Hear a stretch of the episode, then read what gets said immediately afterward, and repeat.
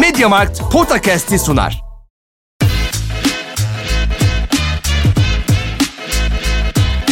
Potakast. Kaan Kural ve Orkun Çolakoğlu'yla NBA gündemine haftalık bir bakış.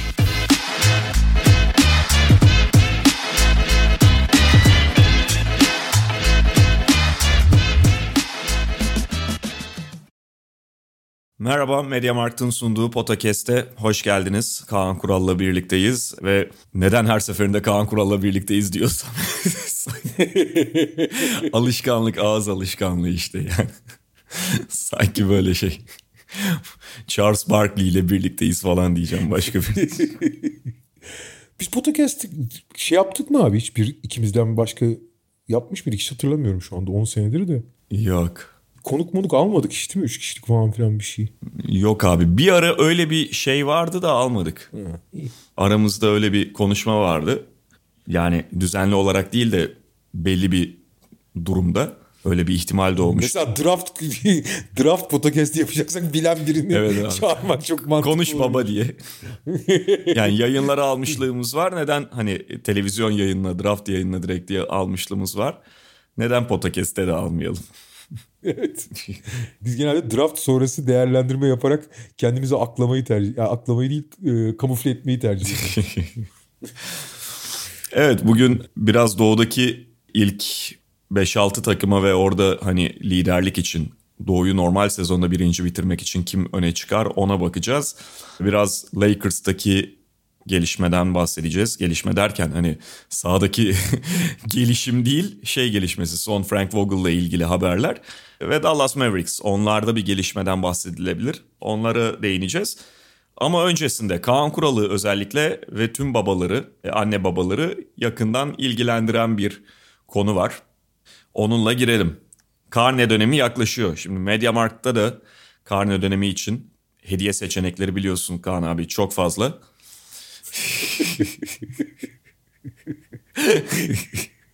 Bilmiyorum. ne karnınız? Ben yol- yollamıyorum çocuğu okula falan.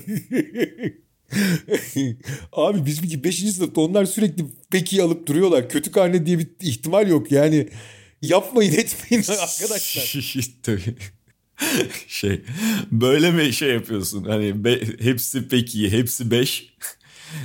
İyi de abi bütün sınıf öyle yani anlatmaya çalıştığım o. Herhangi bir şekilde yani sınıfta atıyorum bir segmentasyon olsa yani karnenin pek iyi olması bir başarı nişanesi değil abi. Ya her türlü bu hediye alınacak mı diyorsun yani?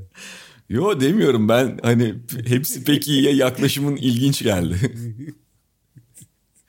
Abi Ben bunu öğrencilik dönemimde tersten yaşamıştım. Yani ilkokul 5'te olmasa da hani kötü not aldığımda bir gün şey eve çok böyle uyuz bir sınavdan aldığım 40'ı e, başarı şeyi gibi getirmiştim böyle haberi gibi getirmiştim. 40 aldım falan diye.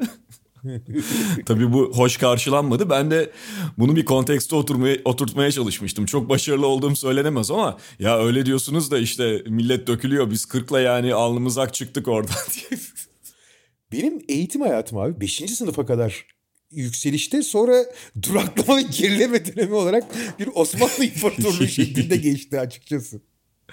Benzer durumlar var abi de, bende de ya. Ama karpuz kabuğunu aklına düşürdük galiba. Neyse Nisan inşallah podcast dinlemiyordur diyeyim ben. Yani yani bir de şöyle bir dileğin olabilir. İnşallah hepsi beş gelmez. Ama bu bir baba olarak doğru bir temenni midir? Değildir. Ya şey olarak söyle adını konsept olarak şey diye anlatmaya çalışıyorum yemiyor. Abi yani 5 standart not zaten diyorum. Ee, en yüksek notu falan yapıyor. Yemiyor. Şey yapacak. Neyse, hayır yapacak şey yok. bana altı mı getirmen lazım? Hani şey bir fark yaratman lazım. Ee, yapacak bir şey yok abi. Futbolda ne başarım var mesela. Niye Tokyo? Niye Tokyo? Ne yapmış yani bu dönemde? Futbolda bir başarısı var mı? yok. Evet ya bu duyuruyu yapmış olalım. Yani karneye bir hediye alması, almayı düşünenler için sonuçta lüzumlu bir şey. Peki Doğu Konferansı ile başlayalım Kaan abi. başlayalım abi. Şimdi burada ortalık epey karışık. Aslında NBA'in her katmanında ortalığın karışık olduğunu söyleyebiliriz.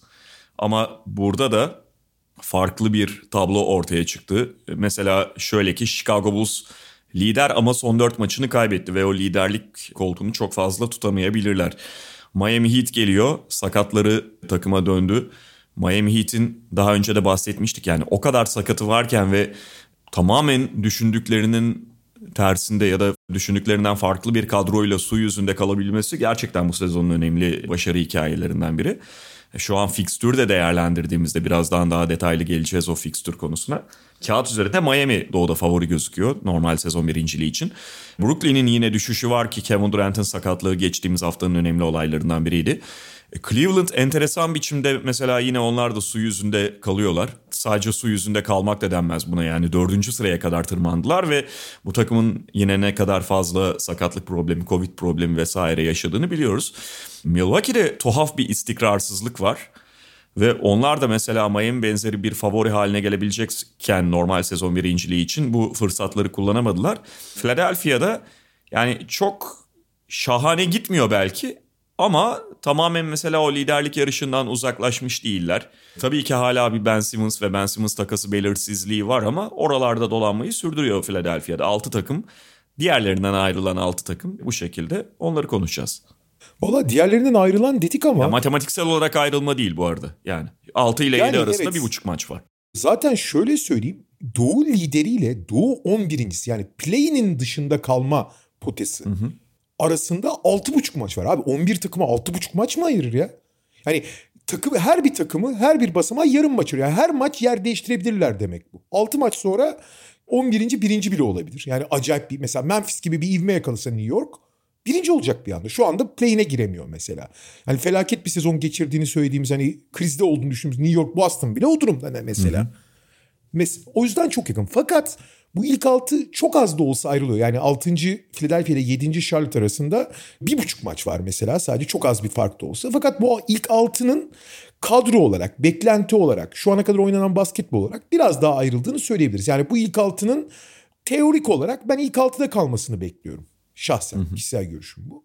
Ve bunların ama nasıl bir sıralama yapılacağı çok ilginç bir konu. Şimdi burada bence iki tane Doğu birinciliği için hani bu iki takımdan bu alt takımdan hangi ikisini ayırırsın dersen Ben Simmons takısının olmadığı bir senaryo için konuşuyorum tabii. O bayağı dengeleri alt üst edebilir. Ben açıkçası iki takımı daha ön plana çıkarıyorum. Tabii ki burada Brooklyn her zaman ön plana çıkabilirdi ama Kevin Durant sakatlığı şimdi onların biraz daha tökezlemesine neden olacak. Zaten çok bölük pörçük oynuyorlardı. Durant gibi en önemli bitiricinin, en önemli fark yaratıcı oyuncunun en azından bir ay olmayacak olması Brooklyn bence birincilik yarışındaki iddiasını azaltıyor ki kaldı zaten kaldı ki zaten Brooklyn ilk birinci olmak için ekstra bir çaba göstermeyecektir. Bence burada iki takım diğerlerinden biraz ayrılabilir. Birincisi Miami, ikincisi Milwaukee abi. Hı hı.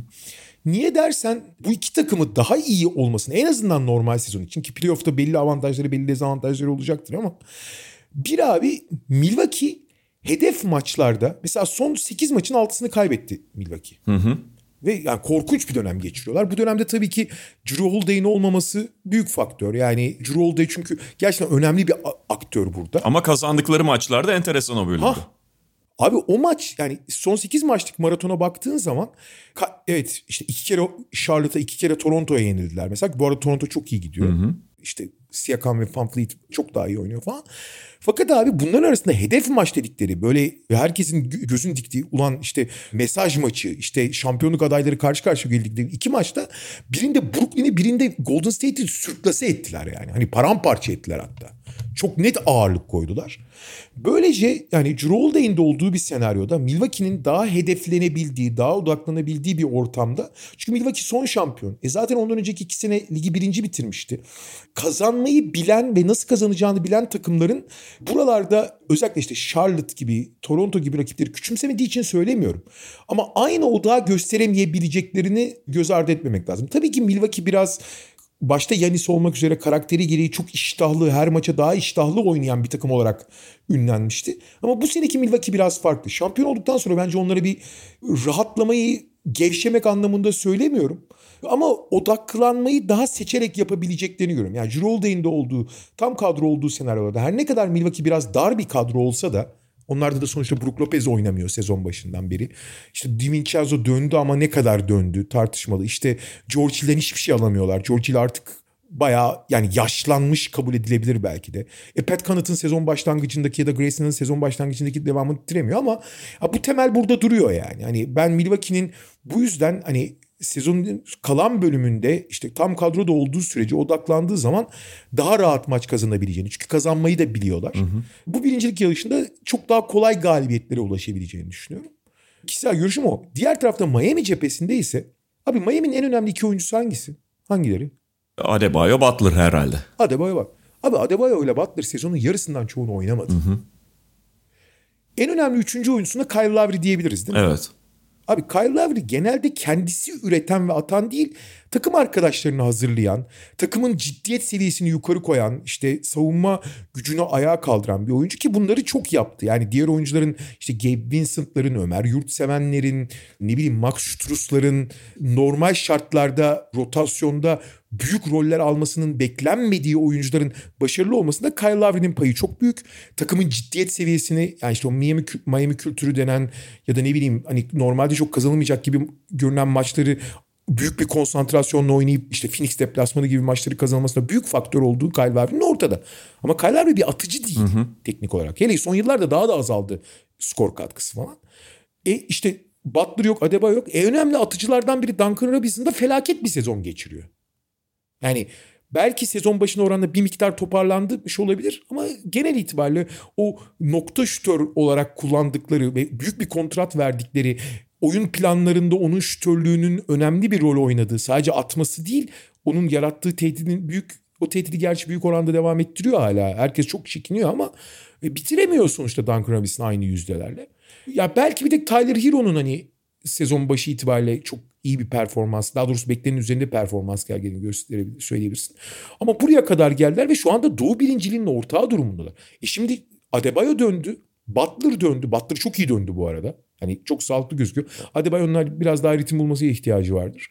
E abi bu arada kadro zenginleşmiş gözüküyor. Herkesin rol paylaşımı konusunda herhangi bir ego sorunu yani işte daha önce daha ön rollere çıkmış olan işte Strus'ların falan bir problem yaşamayacağı da veya Jimmy Butler'ın Bam Adebayo'nun onlarla paylaşmak konusunda bir sorun yaşamayacağı da ortada. Bu takımın zaten iyi bir savunma takımı olacağını biliyorduk. Bütün kadroya yansımış bir savunma disiplini Kyle Lowry'nin önderliğinde var. Hı hı. Miami abi normal sonu birinci bitirmek için en önemli aday gibi gözüküyor bence doğru. Ve şöyle bir şey 25 deplasman maçı yaptı şu ana kadar Miami Ha. Ha. Çok kritik abi. Ya herhalde bir kontrol edeyim abi öyle olması lazım. Geçen gün de seninle konuş. Evet Charlotte'ın ardından en fazla deplasmana çıkan takım durumunda şu anda tüm NBA'de. İç saha maçına da bakarsak 19 iç saha 25 deplasman. Tamamen fikstür zorluğuna bakmadım. Sonuçta hani deplasman ağırlıklı oynarsın ama tırto maçlardır falan ama öyle de değildi çok. Ee, ve kalan bölümde çok daha iç saha ağırlıklı bir fikstürleri olacak. Bu tabii ki bir garanti değildir ama bir avantajdır şöyle bir yarışta. Aynen öyle.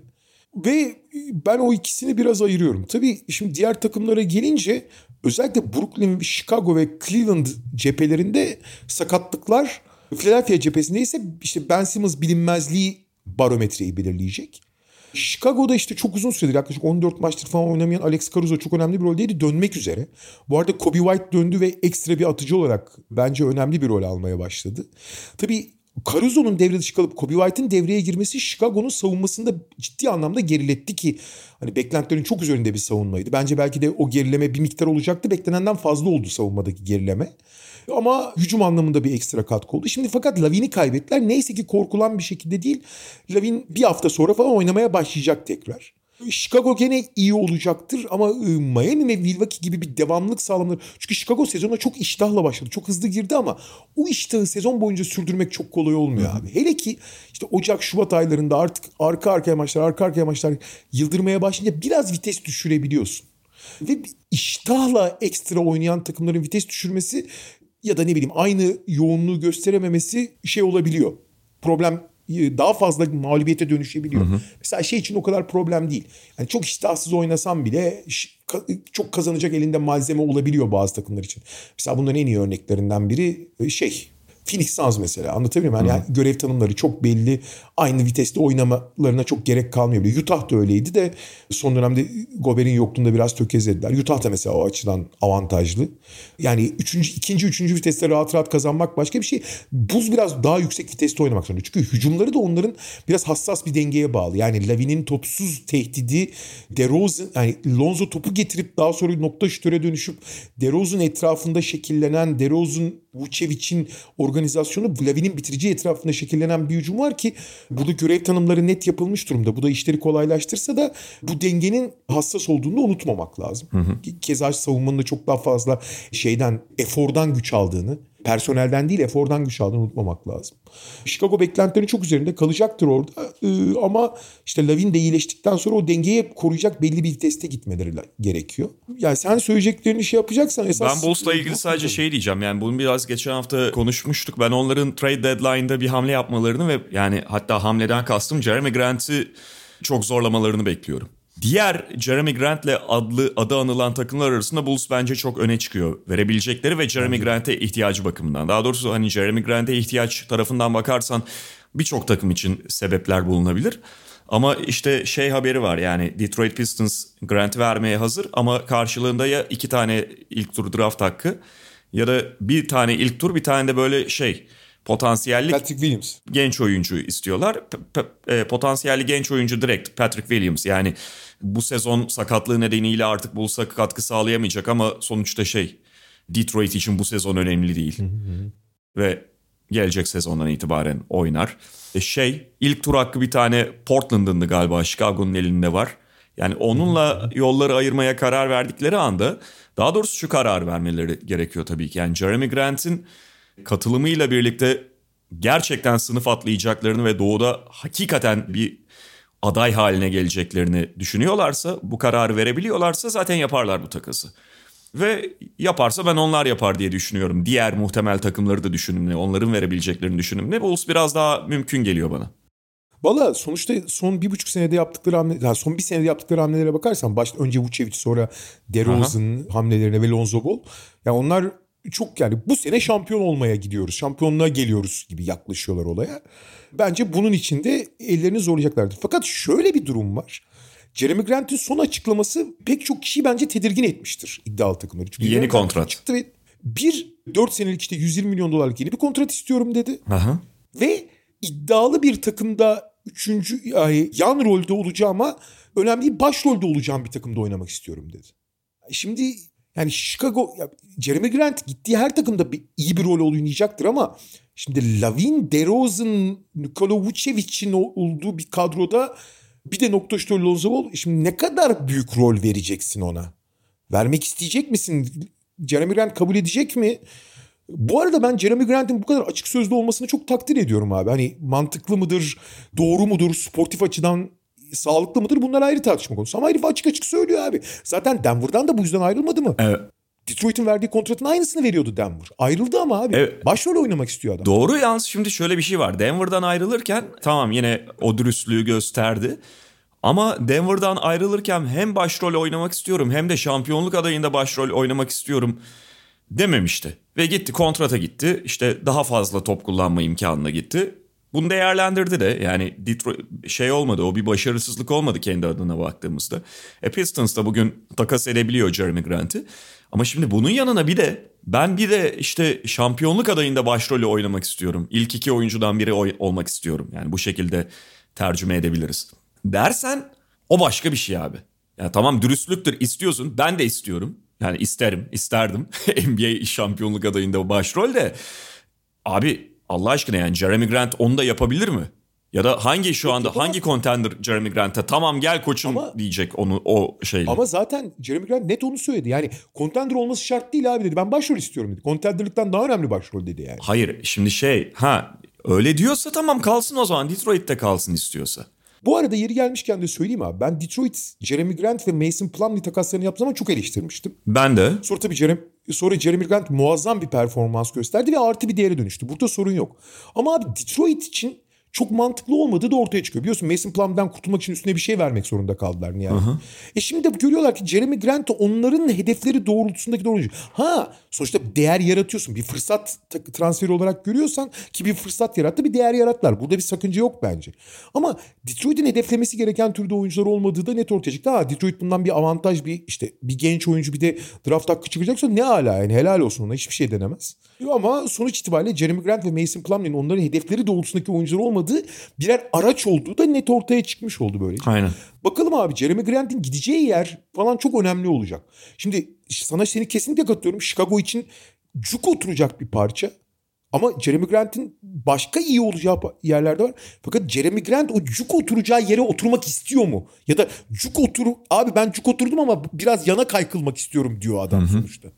Bakalım yani ikna edilebilecek mi yoksa hani gerçekten çok takıntılı haldeyse star olma, o rolü oynama şeyine kendi bilir ama yaşı da belli bir yere. Jeremy- Yani 28 yaşında Jeremy Grant. 27-28. Bilmiyorum belki de biri onu daha gerçekçi olma konusunda ikna edebilir. Bakalım. Burada tabii bir başka hani sakatlıktan çeken takım Cleveland iki tane çok kilit oyuncusunu, bir tane ana atıcılarından birini, bir tane de takımın lideri, toparlayıcısı ve açıkçası bu takımın iyi ve genç parçalardan kazanma odaklı bir takım olmasında şu en önemli parçaydı bence. İkisini birden kaybetti. Colin Sexton ve Ricky Rubio'yu. Ama buna rağmen iyi toparladılar. Yani Rajon Rondo'yu biliyorsun ben hani hiç sevmememe rağmen bir yani o kadar yani çok eksik olan bir role bir şey küçükçe olsa bir pansuman olabilir. Brandon Goodwin'i aldılar arada yani hani yedek oyun kurucu olarak. Topu yere vurabilen oyuncuları yok. En büyük problem o abi. Topu yere vurabilen o kadar az oyuncu var ki.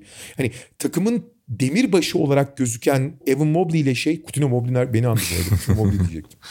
Evan Mobley ile Jared Allen ve işte hani ilk beşte olan Markkanen hiç topu yere vuramıyor. Keza Isaac Okoro da. Hani sadece Garland'la bu iş bir yere kadar gider. Yani topu yere vurabilecek ekstra oyuncular lazım. Ama sonuçta Cleveland savunmasından güç alan bir takım.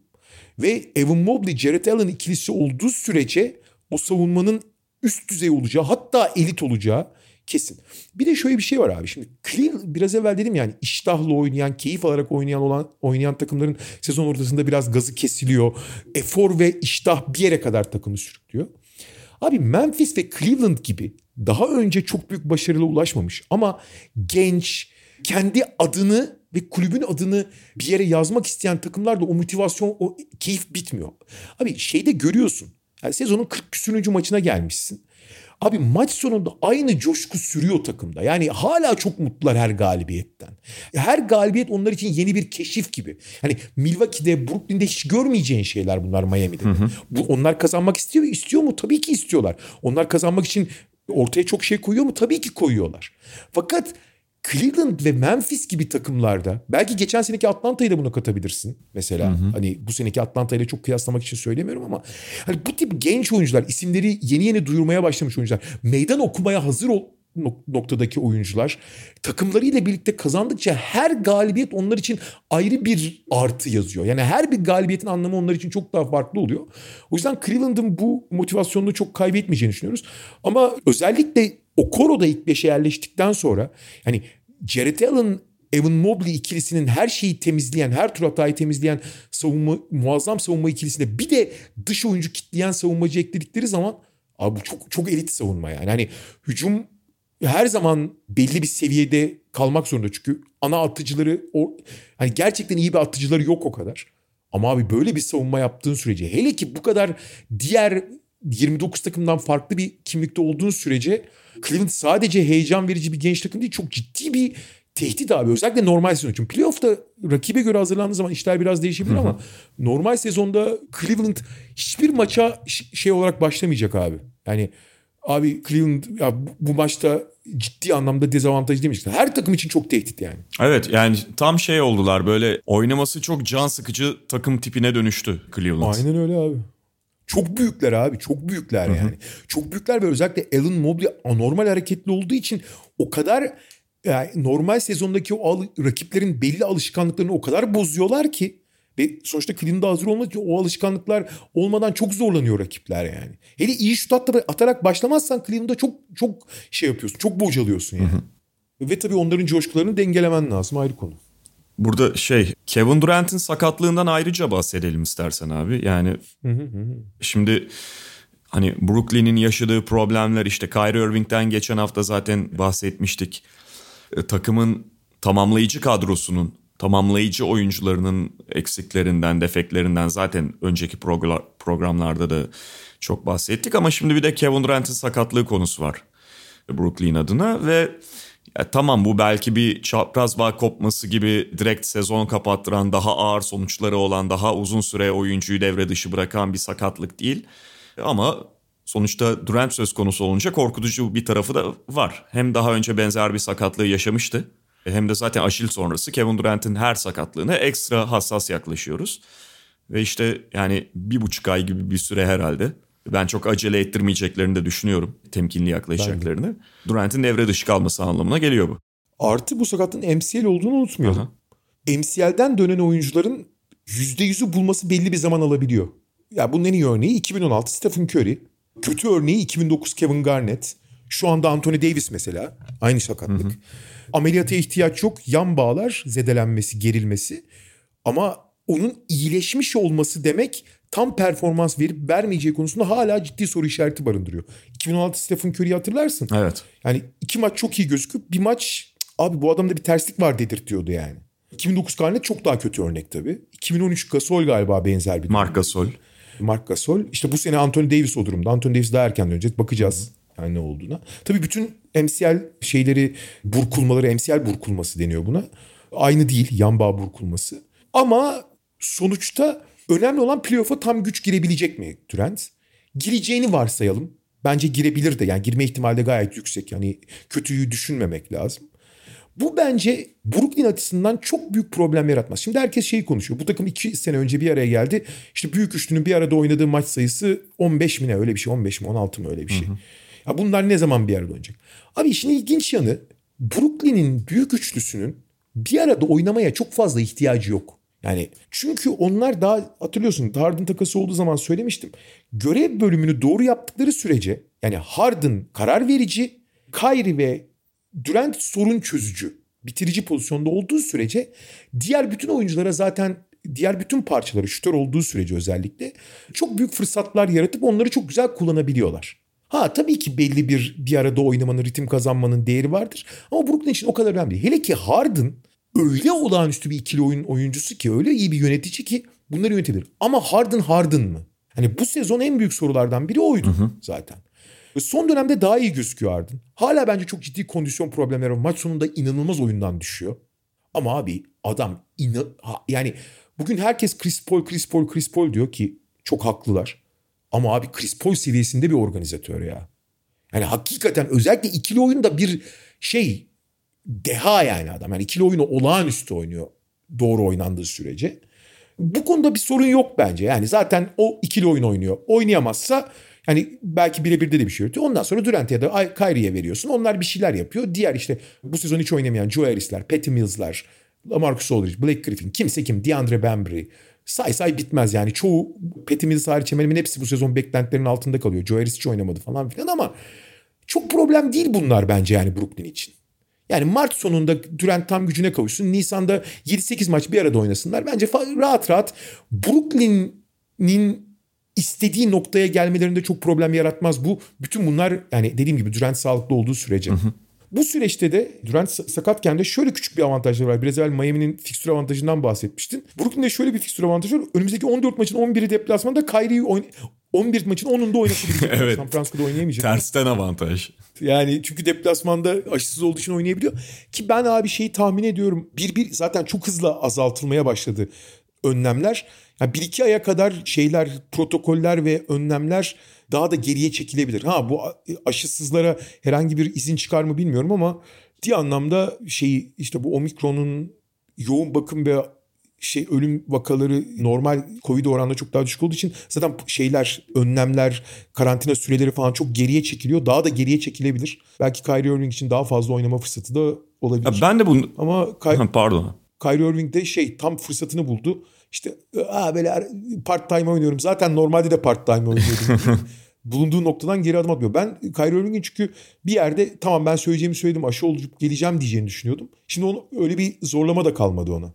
Bir de olmayacağım diyor zaten. Evet işte dedi. Aha. Net onu dedi. Ben onu demeyeceğini düşünüyordum. Ha, Şimdi kafası rahat tabii olmayacağım. Ben söyleyeceğim şey o konudaki duruşumu belirttim olmayı düşünmüyorum. Ya şey çok konuşuluyordu biliyorsun yani hani Brooklyn bir şekilde ilk dördün dışına düşersek sondaki yani ikinci dörtten 5, 6, 7, 8'den playoff'a girerse bu bir şekilde avantaja dönüşebilir. daha fazla teorik deplasman maçı olacağı için Best of Seven'larda Kyrie Irving'in daha fazla oynaması anlamına geliyor. Yani 7 maçlık bir seride dördünde oynamış olur Kyrie Irving gibisinden. Ya böyle bir rezillik olur mu? Evet ya? ama ben de oraya kalmayacağını düşünüyorum. Yani işte hani Nisan ortasına kadar zaten muhtemelen Kyrie Irving'in iç saha dış saha sahaya çıkabilmesini sağlayacak. Buna yol açacak düzenlemeler, değişiklikler olacaktır. Philadelphia tabii burada büyük belirsiz. Yani Aynen bir öyle. taraftan Daryl Morey'nin kesinlikle çizgisinden geri adım atmayacağı ve gerekirse bu sezon Ben Simmons'ı takas etmeyip sadece istediği şartlarda istediği oyunculara karşı o takası yapacağı, yapmak istediği bu karar bu konuda kararlı olduğu söyleniyor. Geçen hafta çok konuştuk zaten bu konuyu. Yani Damian Lillard'la bir takas hala söz konusu olabilir. Ama bunun zamanlaması ile ilgili işte Lillard'ın son sakatlığı ile ilgili rehabilitasyon süreci ile ilgili karar ne olacak? Bunu bir öncelikle netleştirmek ve öğrenmek gerekiyor. Başka takımlarla yani bilemiyorum şu anda. Ben dediğim gibi özellikle Lillard'a çok kafayı taktığını düşünüyorum. Ben de. Ve yani sonuçta öyle ya da böyle belki tamam Philadelphia yine işte lider Chicago'nun iki buçuk maç gerisinde buradaki adaylardan biri olarak gözüküyor ama Ben Simmons'ı bir şeye dönüştürmek ve dönüştürmemek arasında da ciddi bir fark var. Bu sezonun devamını etkileyecek ve onların playoff'taki adaylığını, playoff'taki iddiasını etkileyecek ciddi bir fark var. Geçen hafta konuşmuştuk işte Tobias Harris de göndermiş. Yani Daryl Morey elinden gelen her şeyi yapacaktır. Her an bir şey olabilir. Ki zaten takas döneminin sonuna da şurada 20-22 gün yani 3 hafta bir şey kaldı.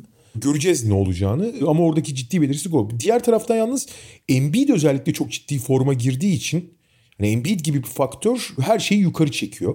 Bir arada oynamayı da işte rol dağılımında işte Seth Curry, Furkan, Tyrese Maxey'nin son dönemde sezon başındaki performansına göre düşüşü ve işte sakatlığı da vardı ama Philadelphia her zaman aktör olacaktır ama onların aktörlüğünün büyüklüğü. Ben normal sezonda onların iddialı olmasını takastan yani takas haricinde çok beklemiyorum.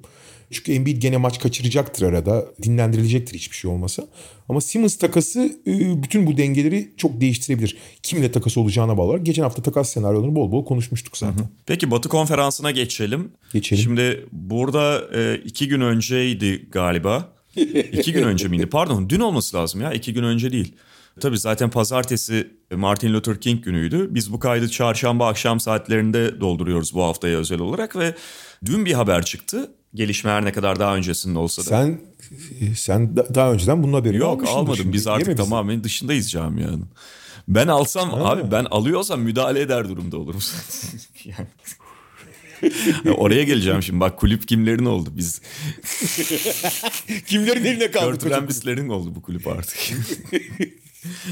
Ee, yani haber şöyle zaten çoğu dinleyicimiz de bir şekilde görmüştür diye tahmin ediyorum. Denver maçındaki o ağır 37 sayılık yenilgiden sonra Frank Vogel'ın Utah maçına bir anlamda hani görevini korumak için çıktı. Belki bundan haberdar değildi ama Utah maçını da kaybetse e, kovulacağı haberi dün e, düştü. O Denver maçında da birlikteydik abi senle yayında. Ve yani Sonra ben Utah maçında Utah maçında da yayındaydım ben bu. arada. evet yani şunu söylemek lazım. İki maçı izleyenler zaten kontrastı da görmüştür ama Denver maçından alırsak bir kere ya Denver maçında çaba maba yoktu. Aynen öyle. E şimdi Utah maçında da ya daha, daha hava atışıyla birlikte bir playoff çabası vardı bir tarafta. Evet. E Şimdi çaba maba olmaması da zaten şöyle bir şeye işaret eder. Birincisi yani o takımla koç arasındaki diyaloğun zayıflığına bir işaret. Ve orada zaten ciddi şüpheler ortaya çıkıyorsa biraz geçmiş olsun durumuna geliniyor. Fakat daha önce de bu konuyu biraz konuşmuştuk. Yani Frank Vogel, Frank Vogel'ın bu sezon çıkardığı iş ama ne yapıp ne yapamayacağı konularına değinmiştik. Lakers'ın kadrosu ne kadar koça yardımcı olan bir kadro, ne kadar faturanın koça çıkarılabileceği bir durum var burada. Bunlara biraz değinmiştik. Ne zaman konuştuğumuzu tam hatırlamıyorum ama ben şöyle bir şey söylediğimi hatırlıyorum. Yani Noel civarı Frank Vogel kovulursa şaşırmam demiştim yanlış hatırlamıyorsam. Doğru. Bugün baktığımda belki o onu biraz abartılı erken bir tarih söylemişim diyebilirim ama 3 hafta falan sekmiş neredeyse bu habere göre oranlarsak. Ve sonuçta Frank Vogel'ın da Covid protokolüne girip kaçırdığı bir 10 maç falan şey 10 maç diyorum 10 gün falan var arada. 10 gün mü 2 hafta mı ne var? Protokolündeyken kovmayı. Ha, ayıptır Yani falan diye yani bir mazeret ortaya çıktığı için. Zaten hani takım da başka problem işte Anthony Davis'in sakatlığı vesaire onlar da sonuçta bir mazeret ve hani yönetim tarafından bakıldığında da abi dur bir dakika bir şu duruma bakalım sağ, şey, soğukkanlı karar verelim durumu ortaya çıkarıyor. Dolayısıyla hani bu aradaki 3 haftalık farkın da bir kısmı öyle kapatılıyor.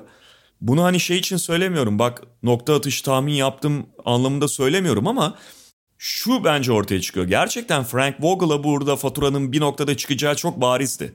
Sezonun başında da baktığında ya da sezonun üzerinden bir ay, sezon başlangıcının üzerinden bir ay geçtikten sonra baktığında da bu çok barizdi. Felaket bir kadro mühendis- mühendisliği bu. Frank Vogel bundan önceki senelerde savunmayla bir şey oluşturmuşken, takımın temelini savunmada kurmuşken bütün elindeki savunma parçalarını sağa sola dağıtıyorsun. Kötü savunmacılar alıyorsun yerlerine ve ortaya bir çorba çıkıyor. Bunun da yansımalarını yaşıyor Lakers sahada. Ya şimdi bu fatura nasıl Vogel'a çıkar?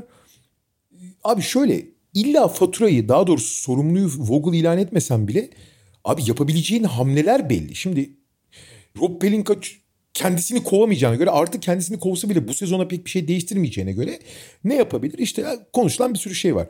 Bir sürü takas senaryosu konuşuluyor. Fakat Lakers'ın elindeki malzeme takasa uygun olmadığı için yani teknik olarak takas yapması çok zor Lakers'ın. Herhangi bir takım Westbrook'u istemediği sürece ki öyle bir takım olduğunu zannetmiyorum. Ya en azından karşılığında değerli bir oyuncu verecek bir takım olacağını zannetmiyorum. Ki yok zaten ortada. Ee, en son takası işte Volla yapabildi anca. Ş- şöyle bir senaryo ortaya çıkıyor. Taylor Horton Tucker artı bir şeylere karşı Jeremy Grant. Taylor Horton Tucker artı bir şeyler. Taylor Horton Tucker artı bir şeyler. Çünkü Taylor Horton Tucker hariç takımda doğru düzgün kontratı olan oyuncu yok. Herkes minimum kontrat gibi kontratlarla oynuyor. Böylece işte Jeremy Grant olsun, Ben Simmons olsun, kimse kim, Bradley Beal olsun, Damian Lillard olsun. Kimi söylüyorsan söyle bir oyuncuyu almak için teknik olarak yapamıyor Lakers. Yani parayı denkleştiremiyor. Takas yapabilmek için benzer kontratları vermesi gerektiği için kurallar izin vermiyor takas yapması. Ancak ve ancak Taylor Horton Tucker işte Kendrick Nunn falan gibi toplam 14-15 milyon dolar oyuncuları verip karşında 20 milyon dolarlık kontrat alabiliyorsun. Jeremy Grant'i bir şekilde çok büyük bir paketle alabiliyorlar. Öyle bir senaryo var da böyle bir durum ortaya çıkıyor. Şimdi bu zaten çok ciddi şekilde sınırlıyor Lakers. Yani Lakers'ın kadro mühendisliğini düzeltmek için elindeki e, şey sayısı imkan çok kısıtlı. E burada ne yapıyorsun abi? Sorumlu olmasa bile, suçlu olmasa bile koçu değiştirdiğin zaman bir bir havayı değiştirmek için bir şey yapabiliyorsun. Sorumlu olmasa bile abi yapabileceğimiz tek hamle bu. Bunu yapabiliriz diyorsun. Artı tabii diğer taraftan da hani bir şekilde günah keçisi ilan ediyorsun falan filan. Bu, bunların gündeme gelmesi önemli. Ama abi gidip gelip aynı şeyi söylüyorsun. Sen de söyledin. Ya ulan bu kadronun savunma yapamamasının sebebi Vogel mı anasını satayım yani hani atıyorum bu sezon iyi oynayanlardan Malik Monk mesela tamam mı? Abi Malik Monk'la Carmelo Anthony ile savunma mı yapılır abi? Nereye yapıyorsun yani? Abi LeBron normalde yaptığından geçtiğimiz son yani Lakers kariyerinde yaptığının en fazla çabalı savunmalarını yapıyor. En azından bölük pörçük de olsa yani 48 dakikanın tamamı olmasa da. Abi LeBron da kusura bakma da yani bu sezonun başında Westbrook'un gelmesinin en mantıklı gözüken sebebi LeBron'un sezon boyunca yıpranmasını engellemekti. Lan LeBron Lakers kariyerindeki en ağır yükü taşıyor belki de. ya. İlk Cleveland şeyine döndü resmen. Yani 2007 Cleveland gibi yani her şeyi yapmak zorunda kalıyor adam yani 37 yaşında. Şimdi böyle olma bu buradan bir yere gidemezsin ki. E Anthony Davis de yok. Arkaya 5 numara oynatıyorsun. Ulan en azından savunmanın temelinde arkayı süpürecek bir adam ay, Dwight Howard'ı oynatmaya koyuyorsun. Olmuyor yani. O DeAndre Jordan'ı falan oynatmaya kalktılar. O olmayacak doğaya amin demek de ayrı konu. E olmuyor da yani bir taraftan. Davis dönene kadar bir şekilde hani idare edelim. 6, 7, 5 oralarda takılalım. 7, 8. Sonra duruma bakarız gibi bir durum oldu. Ha bu arada işte bu dedikodu çıktı. Bence hiç sağlıklıydı ayrı konu. Yani Frank Vogel gidip bir havayı değiştirecek, yeni bir havayı bozacak işte o eforsuzluğu değiştirecek bir hava getirsen ne olacak? Bir iki maç belki ekstra efor olacak. Bence Utah maçındaki görüntü de takımın da biraz bu dedikoduyu ne kadar duydular bilmiyorum ama biraz şey yani Frank Vogel'ın arkasında durduğunu gösteriyor. Çünkü inanılmaz bir çaba vardı o maçta. Hakikaten çok yüksek bir çaba vardı yani. Ama yani özellikle Davis dönene kadar biraz evvel bahsettiğimiz MCL'den dönüyor onu unutmayalım. Artı Davis'in NBA'nin en çıt kırıldığım oyuncularından biri olduğunu da unutmayalım. Her ne kadar bence özellikle LeBron'un olmadığı bölümde ondan beklenenden daha büyük bir şey sarf etmiş olsa da efor ve odaklanma ve adanmışlık sergilemiş olsa da yani döndüğü zaman her şey Davis döndükten sonra duruma bakılacak yani. Davis LeBron Davis LeBron öyle bir eksen ki abi şampiyonluk adayı. Bu takım iki sene önce şampiyondu. Geçen sene sakatlıklar takımı vurana kadar işte final oynayan Phoenix'te karşı öne geçmiş ve favori gözüküyordu yani. Sonuçta LeBron Davis ekseni bütün diğer problemlere başta Westbrook olmak üzere rağmen hala güçlü bir eksen. Ve bu eksenin bu kadroyla ne yapacağını net göremedi henüz Lakers. Ha bir sürü problem ama o problemlerin nasıl nelere yol açacağını daha değerlendirecek durum bile olmadı. Bu arada takım su yüzünde kalsın diye Lebron'un bu kadar efor harcıyor olması sezonun kalanından Lebron için nasıl yansıyacak o da ayrı bir soru işareti. Ha. Ama bunların hepsini hiçbirini görme fırsatı da olmadı Lakers için. Yani ben daha önce de demiştim hiç takas yapmasa hiç hamle yapmasa Lakers yani hamle yapmasa derken dış transfer anlamında ya da sadece mini hamleler işte Malik Monk mesela zaten veteran minimumla geldi. O tip şeyler yapsa Caruso'yu falan tutsa zaten favori olurmuş bugünkü NBA şeyinde. Evet. Evet, evet, evet. Ve bunu görebilmesi lazımdı sonuçta. Aynen. Bu arada şey konuşuluyor ya hep. Ya şimdi bakıyorsun abi son 5 yılda Lakers'ın takımdan gönderdiği yani kendi seçtiği genç oyuncular sonra yıldızlar için gönderdiği oyuncular. Tabii bunların bir kısmı çok haklı. Aha. Yani işte Davis takası falan gibi takaslar. Brandon Ingram, Josh Hart, D'Angelo Russell bile. Yani D'Angelo Russell. İşte Kyle Kuzma, Alex Caruso. Bunların hepsi yeni takımlarında Jordan Clarkson falan. Abi Lakers'dan daha iyi performanslar veriyorlar yani. Ha bunların doğal gelişimlerinin olduğundan, hepsinin genç olduğu doğal gelişimlerinden falan bahsedebilirsin ama bir taraftan da abi nasıl ya falan dedirtiyor yani. Yani orada bence şey var gerçekten onların hepsi zaten gelişim çağında gittikleri için olgunlaşıp daha iyi performanslara başka takımlarda çıkmaları çok anormal bence değil. Yani şeyi düşünüyorum mesela işte Brandon Ingram hatırlarsın son sezonu ikinci yarısında sezonun bayağı çıkış göstermişti zaten. Doğru, doğru. Ya bu oyuncular hani ilk seneleri Lakers'ta oldu ama orada şu var. Ya ya Lakers yönetimi şeyi daha doğrusu front office diyelim. O tabiri kullanalım. NBA'deki en enteresan yapılanmalardan biri şu bakımdan bir tarafı tamamen saçmalık ve pembe dizi ve onların içerisinde bir scouting departmanı var. Bütün o karmaşadan bağımsız çok iyi çalışıyor senelerdir. Yani Lakers'ın bu late first round pickleri falan acayip başarılı ikinci yıl. Bunu daha önce konuşmuştuk yani. Neredeyse ıska atmıyorlar. Çok büyük başarı hikayesi. Eski San Antonio gibi bir bilanço var orada. Ama şey tarafı tam bir komedi. İşte takım sahibi ve onun göreve getirdiği insanlar Magic Johnson'dan tut, tut Rob Pelinka'ya. Ee, işte yakın arkadaşı Linda Rambis'in eşi olduğu için ve Phil Jackson'ın da yıllar boyu arkadaşı olduğu için Kurt Rambis. Şeyi görmüşsündür bu Kurt Rambis sağa sola gidip işte Frank Vogel'a falan gidip koç ekibine sezon başında bak topun ağzındasınız baskı var üstünüze ona göre hareket edin falan demiş. Dwight Howard'ı diye Andre Jordan'ı oynatmak gerektiğini söylüyor. Abi Kurt Rambis yani nasıl karışabilir bunlara? Hani Kurt Rambis şey diyeceğim şimdi. Kurt Rambis kimdir? Futbolda ne başarısı var? Yine. Valla ben front office'in yani yönetimin son 3-4 yılda yaptığı bir tane kararı harika buluyorum. Onun dışında hep soru işareti. Nedir o? Seni uzak kulübün kapısına koymaları. Onu da Kurt Rambis söylemiştir abi. Bu çocuğu istemiyorum ben. Ama bugün hala şey konusunda senin tavsiyene uymamanın cezasını çekiyorlar. Şut çalıştırın diyorsun. of, hala kötü. O, o zaten şey değil abi o front office de değil o derin Lakers beni dışarıda bırakanlar. Ona bakarsa ya kalsa sen bu sene kaç maçta Jack Nicholson'ı gördün kenarda? Ben bir kere gördüm. Evet. Ben bir kere gördüm. Hastaymış galiba. Hastaymış. Olabilir. Geçmiş olsun.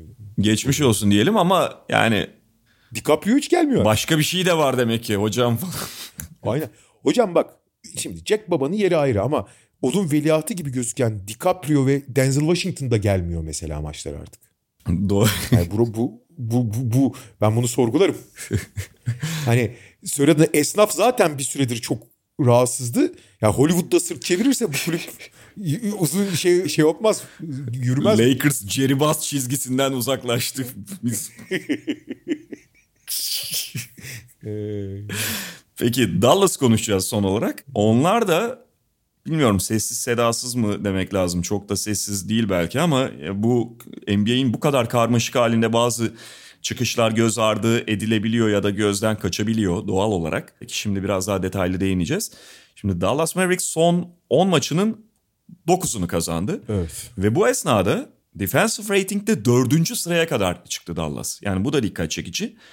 Bunlar tabii ki önemli bir çıkışa işaret ediyor. Nitekim Batı Konferansı'nda 5. sıraya kadar geldi Dallas Mavericks. Ve abi ve abi bu süreçte ya bu 10 maçın 9'unu kazanırken burada gerçekten çok kaliteli galibiyetler var. Golden State gibi, Chicago gibi. Ya Chicago ne kadar eksik olsa.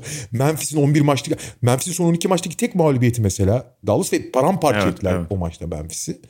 Şimdi burada ve bu süreçte yani Dallas'ın bu anormal bir ivme yakaladığı süreçte ilginçtir ki bu sürecin önemli bir bölümünde ne Doncic ne Porzingis yoktu. Evet. Hakikaten dikkat çekici.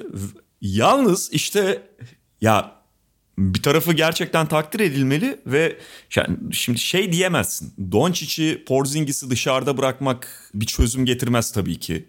Ya da daha hayırlı falan değil de belli ölçülerde, belli maçlarda bu durumlar yani ayrı ayrı Porzingis'in ve Doncic'in olmaması Dallas'a fayda da sağladı mı? Bunu da düşünüyorum. Yani ben mesela şey maçı çok dikkatimi çekmişti. Chicago maçı. Orada Porzingis'le aynı oyunu oynayamayabilirlerdi. Oynayamazlardı hatta öyle söyleyeyim. belli fikstürlerde, belli rakiplere karşı mesela Porzingis'in olmaması Dallas'a hakikaten bir şey getirdi. Porzingis olmadığında çok daha farklı bir oyun oynayabiliyor. Daha fazla switch yapabiliyorlar vesaire. O beni düşündürdü ama sonuçta şey tabii ki ikisi birlikte ikisi takıma katıldığında daha da güçlü hale geliyorlar ya da en azından gelmeleri gerekiyor kağıt üzerinde. Abi geliyorlar işin ilginç yanı. Doncic mesela geçtiğimiz yıllardan kadar iyi oynamıyor. Özellikle çok felaket şut atıyor. Yüzde 30'un altına düştü 3 sayı yüzdesi falan filan. Facia şut atıyor. Gene tabii ki organizasyonu falan bir şekilde artı değer katıyor ona. Hiç kimse bir şey söylemez ama geçen senenin çizgilerini değil. Fakat Porzingis tam tersine harika bir sezon geçiriyor oynadığı sürece. Artı Porzingis'i ideal bir şekilde kullan madığı da söylenebilir. Abi post-up yaptırıyor. Post-up da geriye çıkarış tutuyor. Yani fiziğini kullanarak oynamıyor. Hiç oynayamadığını biliyoruz. Geçtiğimiz yıllarda en büyük problem oydu.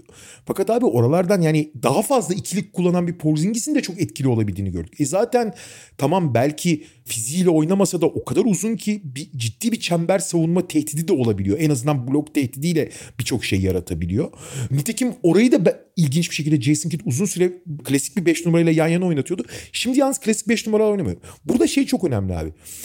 Yan parçalar diye gördüğümüz Jalen Brunson, Maxi Kleber, Tim Hardaway Jr., Reggie Block gibi parçaların Doncic ve Porzingis'in olmadığı yerde tekrar bir ritim kazanıp tekrar belki de Jason Kidd'in güvenini kazanması, savunma konsantrasyonu, bu oyuncuların birbiriyle uyumu ve savunma dirençleriyle yeni bir hava yakaladılar ve böylece şimdi Porzingis ve Doncic döndükten sonra şimdi Dwight Powell veya işte Willie Cauley-Stein zaten artık kadro dışında kaldı ama Willie Cauley-Stein veya Dwight Powell'ı Porzingis'in yanına başlatma ihtiyacı hissetmeyip Kleber'le yan yana oynatarak hem savunma direncini kaybetmeden hem de daha mo- mobil bir 5 kullanan kullanmaya başladı. Aynen. Dallas. Yani yo, e, sezon içinde doğru yolu bulmalarını sağladı bu eksiklikler belki de onların. Aynen öyle abi. Ben bir şey daha ekleyeceğim oraya. Yani sen Kleber'den bahsettin. Ben de sezon başından beri mesela Jalen Brunson'ı söylüyordum. Bence yani artık rakipler çok daha fazla topu Doncic'in elinden çıkarmaya yönelik hareket etmeye, onu baskılamaya başlamışken oraya ikinci bir top yönlendirici gerekiyor. Dallas kadrosunda da Brunson'dan başka yanıt yok ona. Doğru. Doğru. Dolayısıyla hani Brunson'ı şeyin yanında başlatıp Tim Hardaway'i onun formsuzluğu ayrı bir mesele. Geçen sezona göre düşüşü ayrı bir mesele ama bir bench skoreri olarak kullanıp zaten Doncic fizikli oyuncu. Dolayısıyla bir şekilde Jalen Brunson'ın kısa boyunu kompanse edebilirsin. Kaldı ki Jalen Brunson da çok böyle fizik olarak karşısında onu üzerinden bakacak bir oyuncu olmadığında ezilmez. Kuvvetli çünkü. Bunu kompanse edebilirsin ve yan yana oynatabilirsin. Son dönemde yani ondan da vazgeçmemesi, Jalen Brunson'ın sürekli Doncic'in yanında oynaması da Dallas'ı o konuda başka bir tarafa taşıdı. Ve abi Kleber, Do- Dorian Finney-Smith zaten hani savunma özellikleriyle öne çıkan Dorian Finney-Smith. Kleber, Dorian Finney-Smith ekseninde işte onların iyiden iyiye rolünün büyümesi ki Dorian Finney-Smith sezon şu anda gayet iyi durumda. Jalen Brunson falan da eklendiği zaman bir savunma şeyi direnci savunma görev paylaşımı oldu ve savunmanın yukarı çıkması da Doncic ve Porzingis yani Porzingis de işte çember savunucu blok tehdit olarak geldi ama ciddi bir savunma kurgusu edindin. Doncic belki eski formda değil ama zaten rebound falan katkısıyla savunmadaki onun rolü de belli. Savunmada rollerin bu kadar net belli olması işte Porzingis'in sadece genelde biliyorsun artık savunmalar her şeyi üst düzey savunmalar her şeyi switch yaparak ve bütün görevleri paylaşarak yapıyorlar. Hı hı. Dallas bunun bu genel şeyin dışında daha çok görevlerin paylaşıldığı, herkesin belli ana sorumluluklarının olduğu bir savunma kurgusuna sahip. Fakat bunların oturması için de iyi fırsat oldu bu. Şimdi buradan nereye gidecekler? Yani bu kendi kendine yolunu bulan suyu takip edecekler mi? Bunu görmek lazım. Yani her ne kadar Doncic geçen son iki seneki çizgisinde olmasa bile gayet de o çizgiyi bulmuş gözüküyorlar. Yani Kid de mesela bazı inatlarından vazgeçmiş olması çok değerli bence. Burada bir tane kaygı noktası var hani bunu bu çizgiyi sürdürebilirler mi ya da daha ileriye taşıyabilirler mi diye sorduğumuzda yani Tim Hardaway'in işte o formsuzluğu geçen seneye göre geriye gidişiyle birlikte bench'ten gelen skor çok azalmış durumda. Yani işte evet bence Brunson'ın kenardan gelen oyuncu değil Doncic'in yanında ilk 5 başlayan oyuncu olması gerekiyordu. O oldu tamam Kleber de ilk 5 başlıyor falan. Ama şimdi kenardan gelen skor desteğinde Tim Hardaway'e çok muhtaçsın. Ve Tim Hardaway'in verimi çok düştü. %37'lere, %38'lere inen bir isabet oranı. 3 sayı isabet oranı %33 zaten. Yani bunu yukarı taşıması gerekiyor. Abi Tim Hardaway zaten kendi ürettiği zaman benim siz ona bir şey üretilmesi lazım. Ha, bu sezon iyi sezon geçirmemesi ayrı konu. Hı hı. E abi ona üretecek oyuncu da başta Doncic. Onun Doncic ile yan yana olmadığı her senaryo biraz problemli gibi gözüküyor. Onu bir şekilde kompanse etmeye çalışıyor ama bir yere kadar. İşte keza benzer şeyler Hani Tim Hardaway'in biraz daha fiziklisi, daha az skorer ama biraz daha savunma özelliği. Reggie Block yani bunlar hep Doncic'in eline bakan oyuncular yani. Aha. Sonuç itibariyle. Bir ara Josh Green de bayağı katkı vermişti ama yani 2-3 maç devam etti o tabii hemen bir anda patlaması belki beklenemez. Ama tabii orada şey şanssızlığı da var. Trey Burke'ün de yani tabii Kyrie Irving çok gündemde ama Trey Burke gündemde değil hani aşısız olarak. Evet evet. Trey Burke de aşısız olduğu için onun da yani bir part time kullanılabiliyor olması. Trey Burke hani çok büyük faktör mü diyeceksin.